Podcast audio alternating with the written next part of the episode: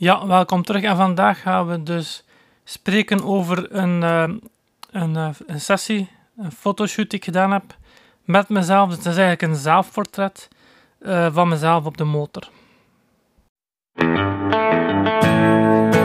Welkom terug bij de podcast over fotografie.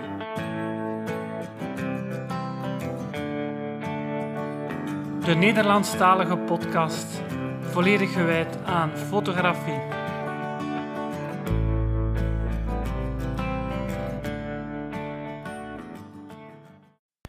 Oké, en waarom een fotoshoot van mezelf? Niet omdat ik mezelf zo graag zie. Allee, ja, ik zie mezelf wel graag, maar het is niet daarom dat ik de fotoshoot gedaan. Dus ik ben uh, overgeschakeld van een... Um, ben overgeschakeld op een elektrische motorfiets, daar komt het op neer. En er waren wat vragen daar rond en er is hier en daar wel wat interesse. En op een bepaald moment was er, uh, werd er vanuit Tweakers, dat is uh, Gathering of Tweakers, een forum, tweakers.net, een, um, ja, een platform voor, wat zou er op hun eigen website staan, voor tweakers, voor mensen die met technologie bezig zijn. Uh, ja, een vrij jong publiek wel, maar zeker vroeger was dat jong publiek, maar eigenlijk is dat tegenwoordig wel... Er zijn meer en meer onderwerpen rond uh, vaderschap en dergelijke meer zo, of huizen kopen en van die toestanden die toch wel niet meer meteen gelinkt worden aan hele jonge mensen. Maar dat zijn denk ik de jonge profielen die ondertussen gewoon opgegroeid zijn.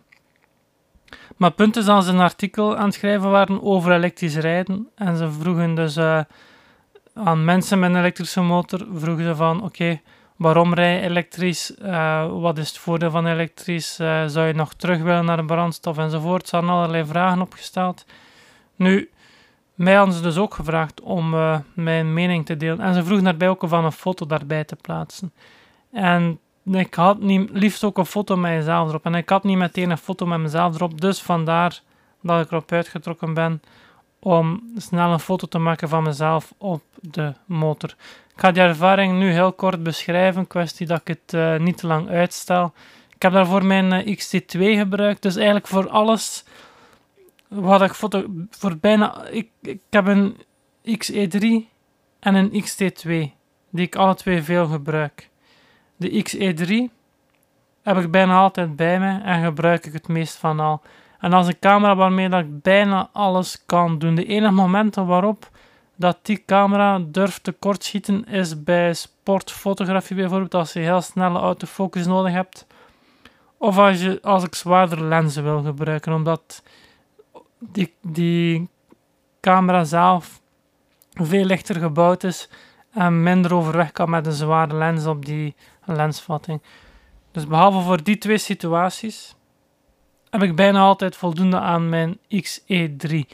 Mijn XE2 gebruik ik dus in die specifieke gevallen of um, als ik echt iets voor iemand fotografeer waarbij dat die ja, dat ik zeker wil zijn dat ik iets kan opleveren omdat uh, de XT2 is ook water- of weersbestendig uh, kan dus wel overweg met die zwaardere lenzen heeft ook een dual card slot. Is eigenlijk een professioneler uh, camera. Daar komt het in grote lijnen op neer.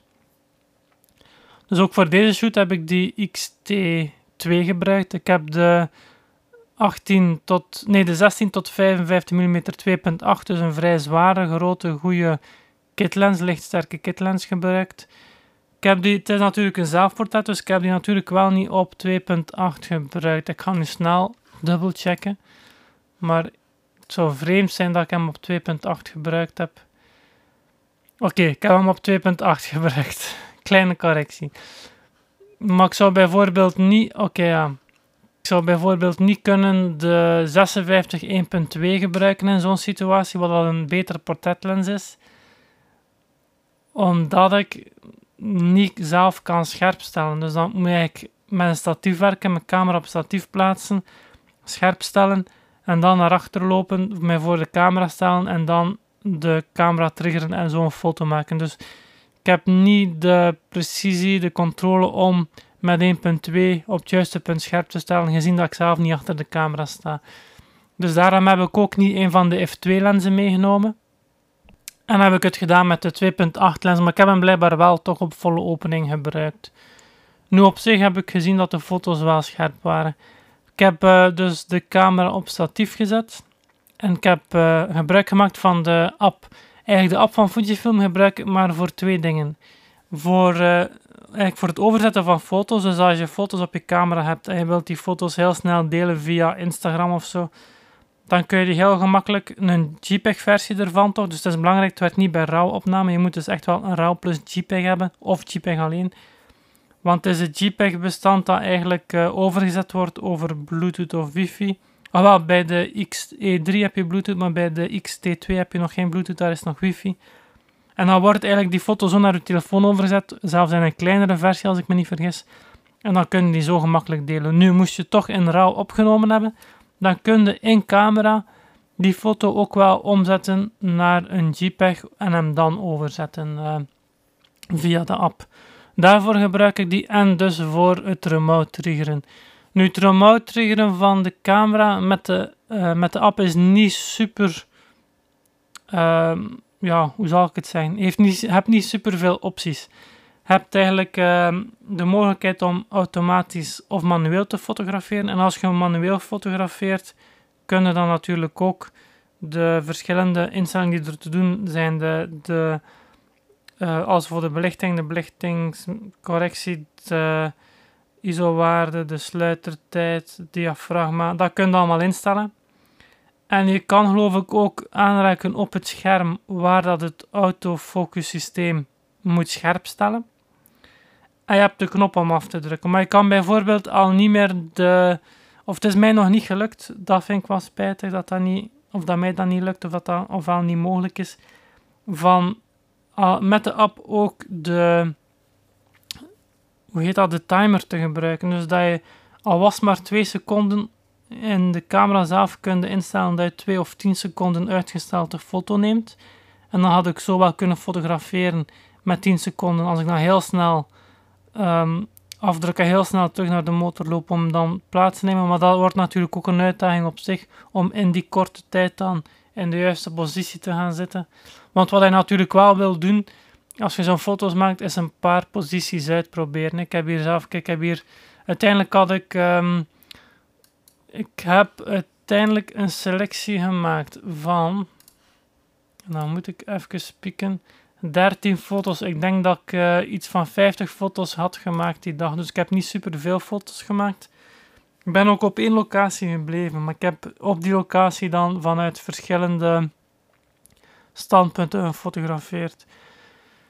Met dus de app, met het grote nadeel dat ik dus in een aantal van die foto's ook wel, kun je ook wel zien dat ik, dat ik mijn telefoon vast heb. Um, of dat ik heel op een vreemde manier mijn hand achter mijn rug heb, waar dat dan natuurlijk die telefoon in de hand zit om af te drukken. Dus dat is wel een nadeel.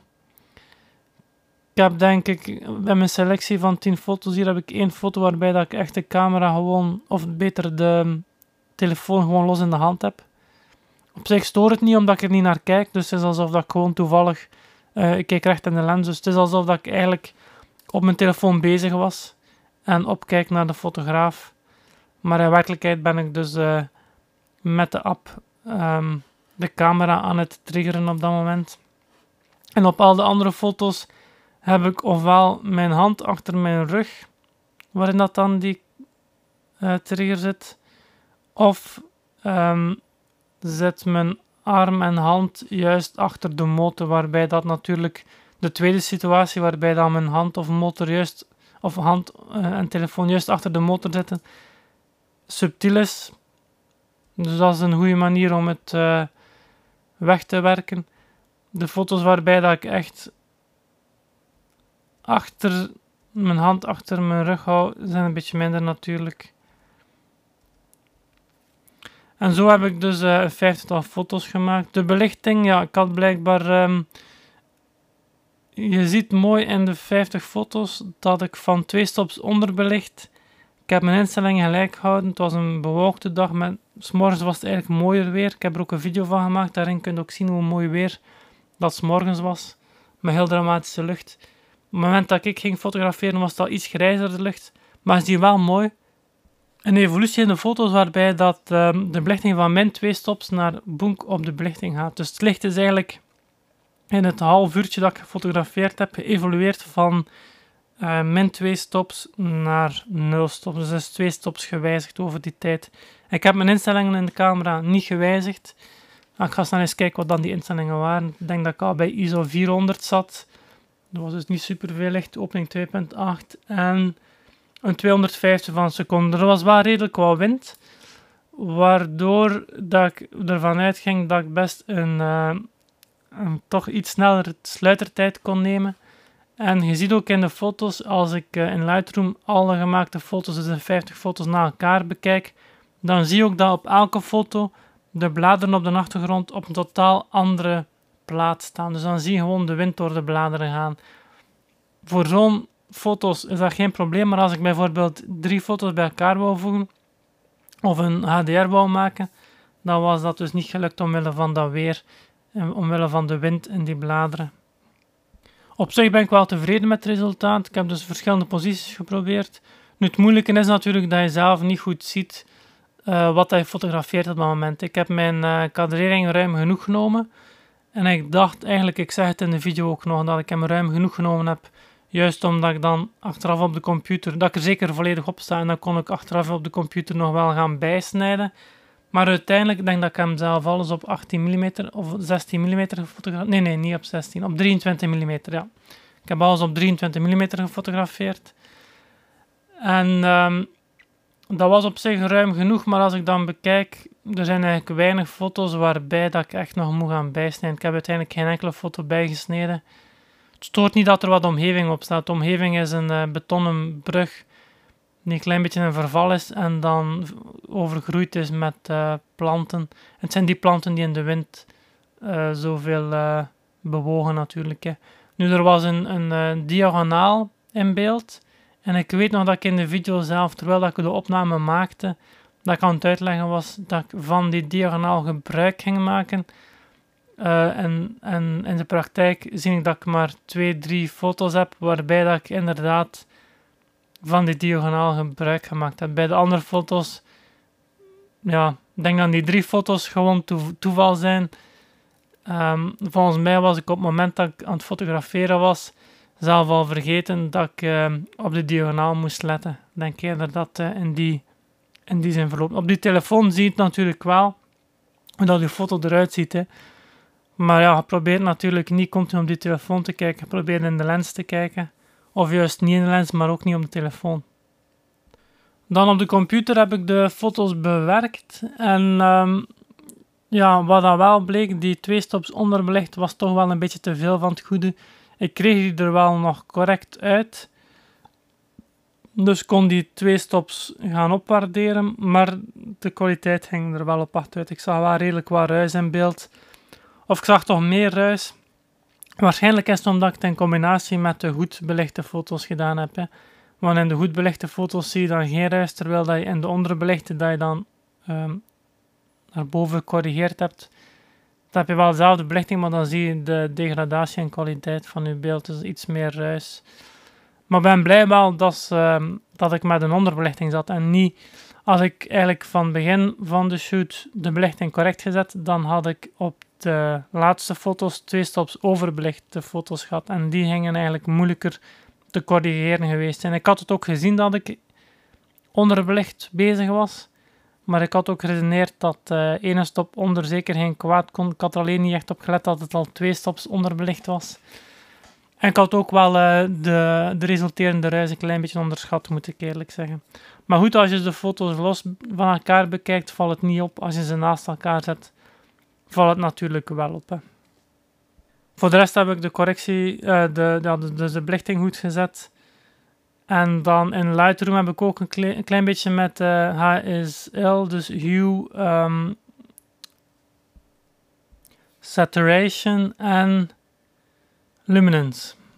Uh, daarmee kun je heel fijn per kleur de belichting gaan fine-tunen eigenlijk. En dit was nu een foto, dus de motor is een, het is een rode motorfiets voor de mensen die interesse hebben in motorfietsen. Het is een Zero SRF en die vervangt mijn uh, GS die je misschien in de video's al gezien hebt. Uh, dus het is een rode motorfiets. Ik ben zelf met een zwarte jas en een groene broek. En de omgeving is grijs beton en grijs asfalt. Maar redelijk wat groen nog. Dus dat maakt dat je eigenlijk, als je die foto wilt gaan bewerken, dan kun je heel fijn het zwart gaan bewerken, het groen gaan bewerken, het rood gaan bewerken en het grijs afzonderlijk gaan bewerken om zo optimale uit elke kleurgroep te gaan krijgen. En dat kun je in Lightroom met die HSL-tab, dus Hue, Saturation, Luminance tab, waarbij dat je de sliders krijgt voor verschillende kleurgroepen. Denk aan rood, magenta, groen, geel, blauw enzovoort. En dan kun je per kleur dus heel gemakkelijk uh, meer of minder gaan uh, ja, de kleur gaan aanpassen en meer of minder door um, afhankelijk van de tab dan meer of minder hue, meer of minder saturation, meer of minder luminance. Daar komt het eigenlijk op neer. Dus op die manier kon ik het, uh, het, rood, het rood van de motor zelf heel mooi doen uitkomen. Kon ik het groen een klein beetje fine-tunen meer naar de herfstkleuren. We zitten in de herfst, maar door, ja, ik gebruik dan van Fujifilm zo die kleur. Uh, je hebt um, de Classic Chrome is, denk ik. Die filter gebruik ik bijna altijd. Maar die kan zowel de donkere stukken, de schaduw nogal doen um, verdonkeren, nogal één zwarte brei. Komt er soms iets donker uit, de donkere stukken. Dus die kon ik dan wel lichter zetten terug. Maar alleen in de donkere partijen, waar dat hier dan het, uh, het gras of de begroeiing was. Um, herinner mij ook aan de helm een klein beetje gefine te hebben, omdat daar een stukje oranje in zit. En zo kwam het oranje weer terug. En dat is ik het voornaamste stuk. Dus ik heb het groen gefine en het rood gefine En voor de rest, je kunt op die manier bijvoorbeeld ook heel gemakkelijk het gezicht, de belichting in het gezicht gaan aanpassen. Um, en dergelijke. Dus dat is een heel, heel handige tool om een foto echt naar je hand te zetten zonder dat je eigenlijk moet gaan filtertjes of zo met een lasso rond bepaalde stukken moet gaan proberen uitknippen om dan dat stukje alleen goed belicht te krijgen en dan met een beetje fading dat dat niet opvalt dat je eigenlijk alleen maar aan dat stukje gewerkt hebt. Nee, met die HSL filtertjes kun je gewoon dat van die kleurgroep een klein beetje gaan aanpassen. Dus dat is een een zeer handige tool. En daarmee is het uh, zowel verteld, denk ik. De, het artikel zelf is nog niet gepubliceerd. Uh, er, van zodra dat, dat gebeurd is, zal ik dat ook nog wel meedelen in, uh, in de podcast. Zo, dat was het weer voor deze aflevering van de podcast over fotografie. Allemaal bedankt om te luisteren. Ja, als er vragen zijn, dan uh, mag je die altijd, of opmerkingen of uh, voorstellen van bepaalde onderwerpen of suggesties, wat dan ook. Je mag die allemaal doorsturen via e-mail naar hans.hcpl.be. Dus Hans is mijn voornaam. Uh, eh, HCPL spel je Hotel Charlie Papa Lima. En .be is de domeinnaam voor België. Dus altijd welkom. Ik doe mijn best om alles te lezen en te beantwoorden. En indien mogelijk verwerk ik natuurlijk ook alles graag in de podcast. En dan zal ik je naam zeker, je voornaam zeker vermelden. Dus uh, tenzij je natuurlijk vraagt om anoniem te blijven. Dus dat was het voor deze aflevering. Bedankt voor het luisteren en graag tot de volgende.